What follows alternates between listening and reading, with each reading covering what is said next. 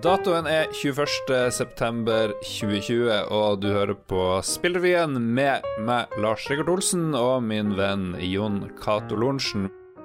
Sony har røpa pris og lanseringsdato for PlayStation 5. Maskinen kommer til Norge 19.11, mens USA, Japan, Mexico, Australia, New Zealand og Sør-Korea får kjøpe den allerede 12.11. I Norge så tar Elkjøp omtrent 5900 kroner for utgaven, som aksepterer Blu-ray-plate, mens maskin som du bare kan kjøre nedlasta spill på, koster 4800 kroner, og de andre nettbutikkene tar omtrent det samme. Nå vet vi pris og slippdato, er ikke det litt spennende? Ja, det er, det er, ikke så mye mer å lure på, egentlig, bortsett fra hva skal man egentlig spille på av disse maskinene. Som kanskje er det viktigste. det er jo litt annerledes enn tidligere generasjoner, for nå er det jo full bakoverkompatibilitet. 99% av spillene skal funke der. Ja, det er veldig annerledes, fordi før så har det alltid vært liksom Du lukker en dør, og så åpner du en ny en inn til et helt nytt rom som det nesten ikke er møbler i. Og så er det bare de nye spillene som kommer til akkurat det økosystemet som, som er det rommet du går inn i, som du skal leke deg med, eh, mens du har forlatt det gamle. Mens nå er det mer bare en sånn oppgradering av en PC, eh, der du skal beholde hele spillbiblioteket ditt og fortsette å spille. Det føles som om Sony har snudd litt på veien her. For først var det ja, 100 eh, av de mest populære spillene de skal kjøre på PlayStation 4, og så sa de ikke så mye Nei, på PlayStation 5, og så sa de ikke så mye mer. Nå er det plutselig nesten alle spillene skal funke, og veldig mange av de stortitlene skal òg fungere på PlayStation 4, sånn som nye Horizon Zero Dawn-oppfølgeren skal funke, og det føles ikke ut som de tør å ta spranget helt over i en ny generasjon. Nei, er, og, Sony er utrolig vinglete i kommunikasjonen, syns jeg, her. Fordi tidligere har Sony vært på sånn Det er ingen som er interessert i å spille den gamle dritten uansett, så det er ikke noe vits med bakoverkompatibilitet. Så nå Det virker som de er ganske usikre, faktisk, i bunn og grunn, og at de egentlig frykter det momentumet som Microsoft kanskje kan få med GamePass-tjenesten, som jo er eh, strengt tatt den eneste grunnen til å investere i en Xbox-konsoll nå, ja. er eh, jeg, jeg, hadde en samtale med noen gamle folk jeg jobba med i butikk, spillbutikkbransjen om det her. Og hvis vi hadde stått i en spillbutikk i dag, og det hadde kommet inn en, en familiefar eller mor og sagt jeg trenger en konsoll som jeg og barna kan spille på, Uh, hva skal jeg ha av disse nyeste, PlayStation 5 eller Xbox? Så kan du peke på PlayStation 5 og si at du kan kjøpe den for 5800 kroner. Og så kan du velge mellom disse spillene her som koster 800 kroner hver. eller så kan du kjøpe denne her til 5500 kroner, og hvis du betaler 150 kroner i måneden, så kan du spille alle de spillene på den veggen her. Altså, det er for, for meg som ikke investert i noen av brandene, eh, som en familiefar som ikke er sånn veldig eh, investert i spill, så vil jeg jo tenke at Xbox-tilbudet er suverent mye bedre enn det PlayStation-tilbudet. PlayStation ser ut til å ha reagert med å lansere den her PS Plus Collection, hvor du skal få 18 spill. Jeg har en liten liste her, skal vi se. Bloodborne, Days Gone, Fallout 4, og så har de noen bangers. De har eh, litt Ratchet og Clank, Mortal Kombat og noen eksklusive. De har jo God of War og Last Guardian og litt sånn, men det er 18 spill, da. Så det, det, det kan ikke helt måle seg. Nei, og det er jo igjen en sånn panisk respons fra Sony, virker det som, at vi må faktisk matche dette. Vi kan ikke la de ha enerett på på å ha et stort bibliotek. Altså, GamePass er jo basically forsøk på å starte en slags Spotify for spill inne på et økosystem. Hvis jeg var konsument og skulle kjøpe noe, så hadde jeg vært litt forvirra, for nå kommer det Xbox Series X, og så kommer det Series S, og jeg hadde lurt på hva, hva som skjer, det er Xbox One eh, X, og ja, det, det, har blitt litt komplisert. Og det, det, som kompliserer mest, er jo disse tjenestene som nå kommer og dominerer, som vi skal snakke mer om seinere. Det som vi kanskje også burde nevne, er jo at det virker som det kommer ekstremt få maskiner i år. Launchspillene er Astros Playroom, Demon Souls, uh, remasteren, Destruction Allstars, Godfall, Just Dance 2021, Marvel, Spiderman, Miles Morales og Sackboy Big Adventure, og det Jeg vet ikke. Ja, det var ikke så mye bedre på PlayStation 4, men det som kanskje skurrer litt med denne launch-lineupen, er vel at uh, nesten alle disse spillene uh, kan du også spille på PlayStation 4. ja, nettopp. Ja. Elkjøp stansa kjøpet etter 15 minutter, skrev tech.no her på fredag, så vi. De valgte å stoppe kjøpet for å ikke skuffe folk, fordi det har jo vært litt dårlige erfaringer i det siste med presales. Ja, det har det. Og, og en annen aktør som er uh, strengt tatt den siste liksom uh, uavhengige spillsjappa i Norge, som uh, jeg støtter flere ganger i året og kjøper brettspill og andre ting fra GameZone i Kristiansand, de har sendt mail til alle kundene sine om at sorry, men, men Nordisk Film, som distribuerer PlayStation i Norge, kommer ikke til å gi oss selge oss PlayStation 5-maskiner før jul. Så de har rett og slett blitt dumpa på Elkjøp og Komplett sitt alter av nordisk film. Vi tok en prat med GameZone for å høre hva de syns om at de ikke får maskiner før jul. Prisen på dataspill øker, i alle fall hos Sony og 2K Games. Sammen med pris- og slippdato for PlayStation 5 så fortalte Sony i forrige uke at deres egne spill fra nå av ser ut til å koste 70 dollar. En økning på 10 dollar fra det de tok betalt på PlayStation 4. Også 2K Games har lagt seg på samme nivå. Og Jon Cato, prisen på storspill har vært stabil eh, veldig lenge nå. Og hva er grunnen til at de øker prisen nå? Det er jo fordi det er en bra anledning med ny og kraftigere maskinvare til å gjøre sånne endringer. Det er jo sånn det har fungert tidligere òg. På Nintendo 64 så var standardprisen på et spill var 698, eh, mens noen spill kosta 798. Så, så, strengt tatt eh, Og på Nes var det jo også svindyrt for spill. Da snakker vi 80-tallspriser. Eh, skulle du se film på 80-tallet, leie VHS kosta jo 40-50 kroner, som tilsvarer over 100 kroner i dag. Så hvis du ser på prisene på f.eks. Netflix og Spotify og dataspill, hvis du kjøper de på alle de digitale salgene som er, så har det aldri vært billigere for å bli underholdt. Altså underholdningsmedier generelt er så billig som de aldri har vært før. Eh, og så kan man diskutere fra et bransjeståsted, fra, fra utviklere og utgivere sitt ståsted. Ja, det lurer jeg på. Får utviklere noe mer igjen?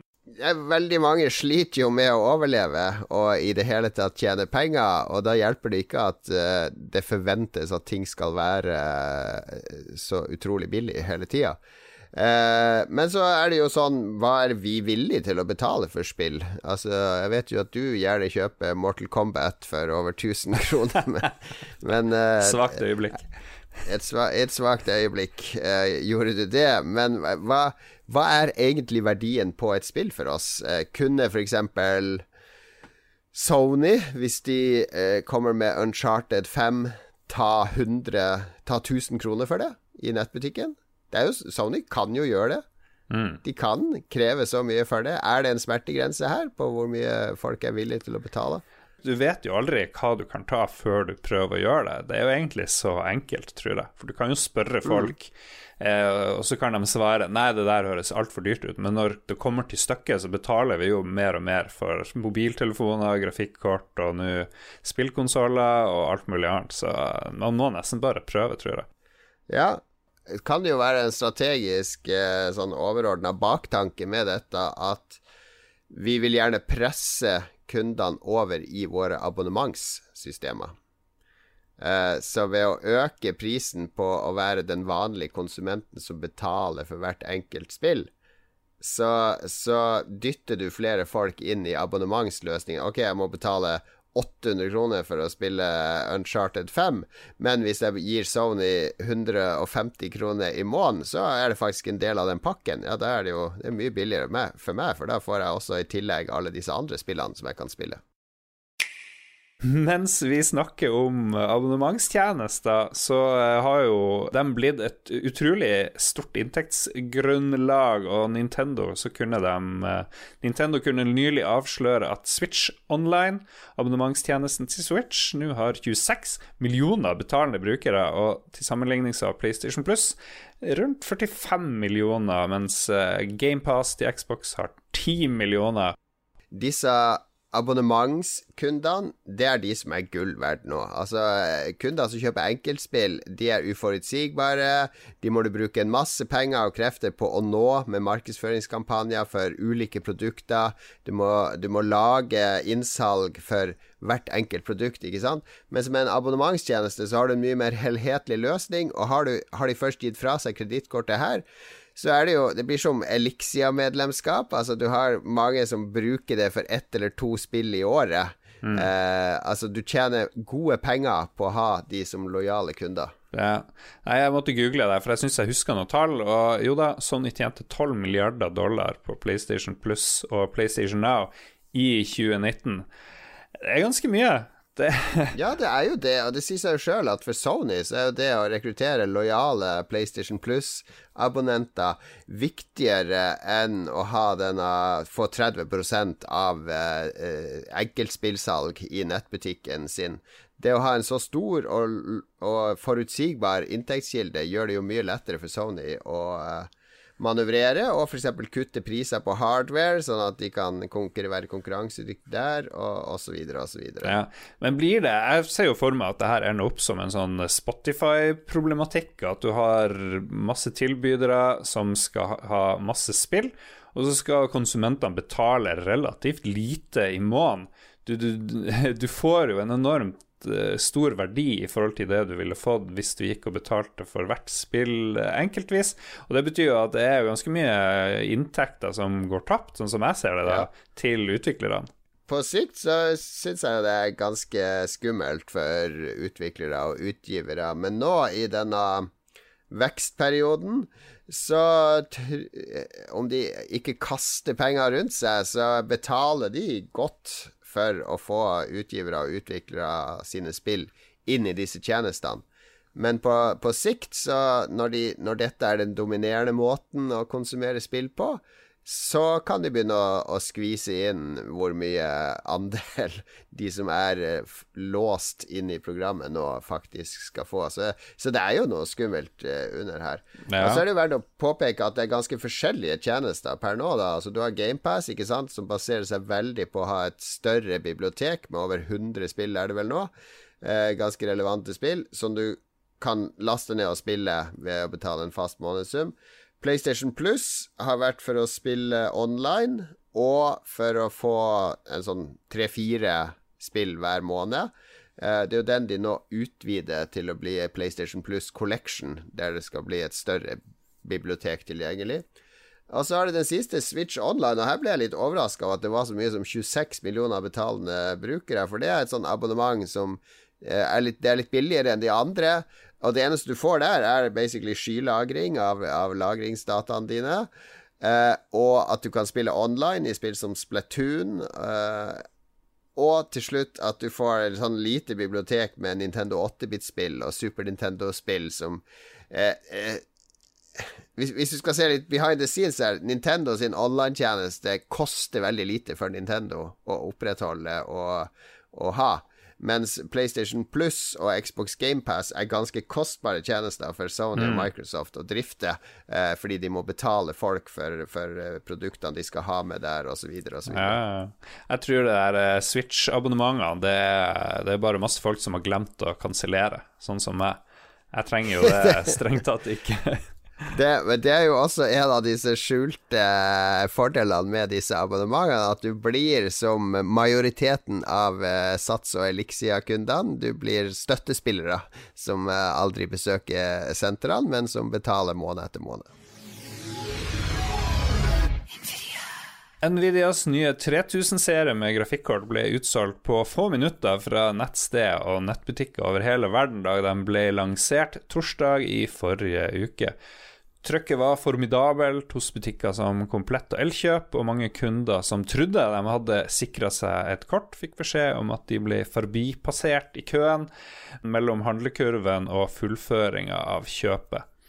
På Nvidias egen nettside så sleit de med botter som autokjøpte kort, og eBay var i dagene etter lanseringa full av 380, 3080-kort til skyhøye priser. Og eh, Er det mer interesse enn vanlig for nye Nvidia-kart, vil du si? Ja, det er mye mer interesse for 30 1080-serien enn det var for 2000-serien da den kom, fordi 2000-serien var på en måte litt skuffende. Uh, det var ikke den Altså, 1080-kortet til Nvidia var liksom en sånn enorm performance boost. Og så var det ikke så mye opp til 2000-serien. Altså nå er det alle de som har beholdt 1000-kortene sine, som er ganske mange, de får nå en ganske bra performance boost med 3000-serien. Så det er en, en, en, helt vill etterspørsel etter det. Og så er det vel antagelig også ganske få kort i omløp, virker det som. Ja, få PlayStation 5, eh, få Xbox One X, få uh, nye Nvidia-kort. Ser en slags trend der. Jeg vet ikke om vi har fått noe svar på om, om det faktisk er mangel, eh, og at det er produksjonsmangel, men ja, har du hørt noe rundt det? Er det liksom er det bare at etterspørselen er så stor, eller er det problemer ja, å produsere? Altså, når eh, covid-19 herja i Kina, så ble jo mange av disse fabrikkene stengt. Så jeg vet ikke hvor mye etterslep som er der på, ja. på ting som skal produseres, og at det har påvirka kapasiteten til disse nye ordrene. Uh, og så det, har det jo også med at ting skal jo fraktes uh, i store kvanta. At det kan være redusert fraktemuligheter. Uh, det var vel en eller annen sak om at Sony hadde rekvirert flere fly til å mm. frakte PlayStation-maskiner. For å få de ut. Jeg vet ikke om den var sann eller ikke. Men det er jo klart, alle økosystemer og infrastruktur er jo påvirka av covid i en eller annen grad. Ja. Og så lurer jeg på Det blir jo bare meningsløs spekulasjon her, da, stort sett. Men det, man kan jo også spekulere i om at det at alle er hjemme, veldig mange er hjemme, bruker ikke penger på andre ting. Kanskje er det nå man kjøper nye laptoper, nye mobiler, nye PlayStationer, nye grafikkort. Det, at det produksjonspresset øker. Veldig god eh, spekulasjon, for det er jo mange eh, Altså, folk som er opptatt av grafikkort og sånne ting, er gjerne folk som jobber litt med IT og, og har gode lønninger. Uh, og de har ikke fått vært på ferieturene sine uh, i sommer og, og sitter inne med en masse penger som brenner hull i lomma, som de gjerne vil kaste etter nye grafikkort og prosessorer osv. Jeg tror du har helt rett. Jeg konkluderer med det. Før kortene kom ut til folk, og før det kom tester, så hørte vi at eh, det her var dobbel ytelse i mange spill. En 3000-serien, 380, skulle virkelig banke, banke forrige generasjon. Men nå er kortene kommet ut. Hva, sier, hva er dommen? Ja, sjokkerende nok så viser det seg at de, de uh, markedsføringstallene til Nvidia er litt sånn sannhet med modifikasjoner. Fordi What? det har jo vært veldig Det har vært noen utvalgte titler de har brukt til å måle denne effekten. Uh, og da gjerne titler som har brukt den såkalte DLSS-teknologien, som er uh, en Nvidia-teknologi som gjør at, uh, at du øker frameraten ganske formidabelt. så, så der briljerer disse kortene. Men de som nå har sammenligna 2080 TI, som er liksom flaggskip, det beste grafikkortet du kunne ha før disse ble lansert, med 3080, har jo konkludert med at det generelt, overall, så er det en ytelsesøkning på rundt 30% altså ikke dobbelt så mye. Ja. Er systemet bra nok på forhåndsbestillinger? Det virker som om veldig mange er, er misfornøyd nå, spesielt med de her 3080-salget. Folk har trodd de har fått kjøpe det, men så har de det ikke. Og så går Elkjøp tom på 15 minutter. Liksom, er modellen vi har i dag, moden for en eller annen utskifting? Det var veldig mye kaos, for jeg var jo en av de som prøvde å sikre meg et kort, for jeg hadde veldig lyst til å teste det. Og så var jeg inne og kjøpte på komplett, og da var det seks kort på lager. Yes, putta i handlekurv, tenker jeg. Da, og da var, hadde komplett hadde en sånn her uh, Alle som kjøper 30-80-kort, de får altså 20% på masse utvalgte varer. Så får jeg scrolla litt opp og ned for å se på de varene. Skal jeg ha ny SSD, bla, bla, bla. Ok, nei, og så fullfører jeg kjøpet, og så får døgnet etter så står det bare som at bestillinga er mottatt. Altså, de blir ikke behandla. De her skulle jo leveres på døra mi med Porterbuddy dagen etter. Så det er en av 120 i køa på kundeservice, som er et dårlig tegn. Dagen etter, og så får jeg snakke med en behandler der, og så får jeg beskjed om at nei, altså, jeg fikk ikke av de kortene som var på lager, da. Så jeg syns det er veldig rart, fordi hvis det er fire Grandiosa på Rema 1000, og jeg putter de opp i min handlekurv, så kommer ingen andre og tar Grandiosa ut av min handlekurv og løper til kassa og betaler og kjøper de før meg. Men uh, sånn er det i de, tydeligvis i nettbutikkene. Ja, jeg lurer på om man bør få noe bedre system. Men her er det jo opp til alle nettbutikkene, og de de vil jo ha folk inn. Kanskje har de tjent masse ekstra på at de ikke sa fra at uh, 'unnskyld, du får ikke det her kortet du tror du får'. For ja, du bestilte jo masse det... ekstra greier, ikke sant? Ja, så sto det på kortet mitt at jeg får det 30. Eh, oktober. Og så tenker jeg what? Ja, det var veldig lenge. Men så sier jeg på kundeservice ja, vi får inn kort nesten hver dag nå, så du må ikke avbestille, for da mister du din plass i køa. Og det vet jeg ikke om jeg tror på. Altså, Jeg vet ikke hva de vet, eller jeg vet ikke om Nvidia vet hva de sier. Hvorfor skal de få kort inn daglig? Det virker jo som en helt uh, utrolig dårlig måte å distribuere en vare på. For Vanligvis så trykker du et opplag, og så sender du alt til butikken, og så kommer neste opplag noen uker, eller kanskje en måned etter. Uh, så, så, det virker Jeg vet ikke hva Jeg er skeptisk til hva de driver med her. Hver episode så ser vi på spillene vi er mest interessert i nå i tida fremover. Hva er det som kommer på kort sikt her? Tre spill vi kjapt kan nevne her. Uh, først er et som heter 13 Sentinels av Egis Rim. Som kommer fra Vanillaware og Atlus. Det er et japansk eh, type rollespill. Minner litt om Persona, litt sånn visual noveller. Var egentlig ikke på radaren min i det hele tatt, men så så jeg at Eurogamer ga det Essential, som de ikke gjør så veldig ofte, så da ble jeg litt uh, Tenker jeg det er verdt å nevne, i hvert fall. Ja, ok, da ble jeg interessert. Så ser jeg at Serious Sam 4 kommer. Får jo litt gode nostalgiske minner. Det er jo en veldig artig måte å lage spill på. Devolver Digital, som er publisheren, og de, de har god teft i de spillene som de uh, Der de jobber med utviklere. Så jeg tror det kan kanskje bli en renewal for Serious Sam-sjangeren. Og til slutt, 25.9, så kommer det et spill. Jeg tror ikke verken jeg eller du er så veldig interessert, men jeg vet at det er en del PC-spillere som venter i spenning på dette, kanskje for å teste sitt nyinnkjøpte 3080-kort. Eh, Mafia Definitive Edition. En eh, stor eh, visuell eh, teknisk oppgradering av eh, Mafia, eh, gamle, klassiske PC-spillet. Jeg har aldri skjønt gangstersjangeren, hva, hva som er kult der. Så allerede der har jeg issues. Eneste gangstere du skjønner, er Booyah Tribe, eh, Lars. ja, absolutt. Sånn er det. Hør på Booyah Tribe. Eh, det er jo min anbefaling denne uka. Det er jo vanligvis du som får lov å avslutte sendingen vår.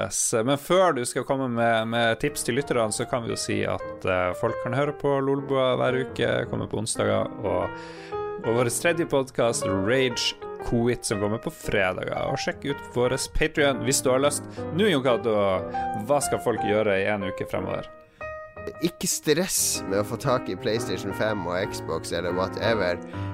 Det roer seg, og da kommer de, og det er ingenting på de maskinene du trenger å spille på dag én uansett.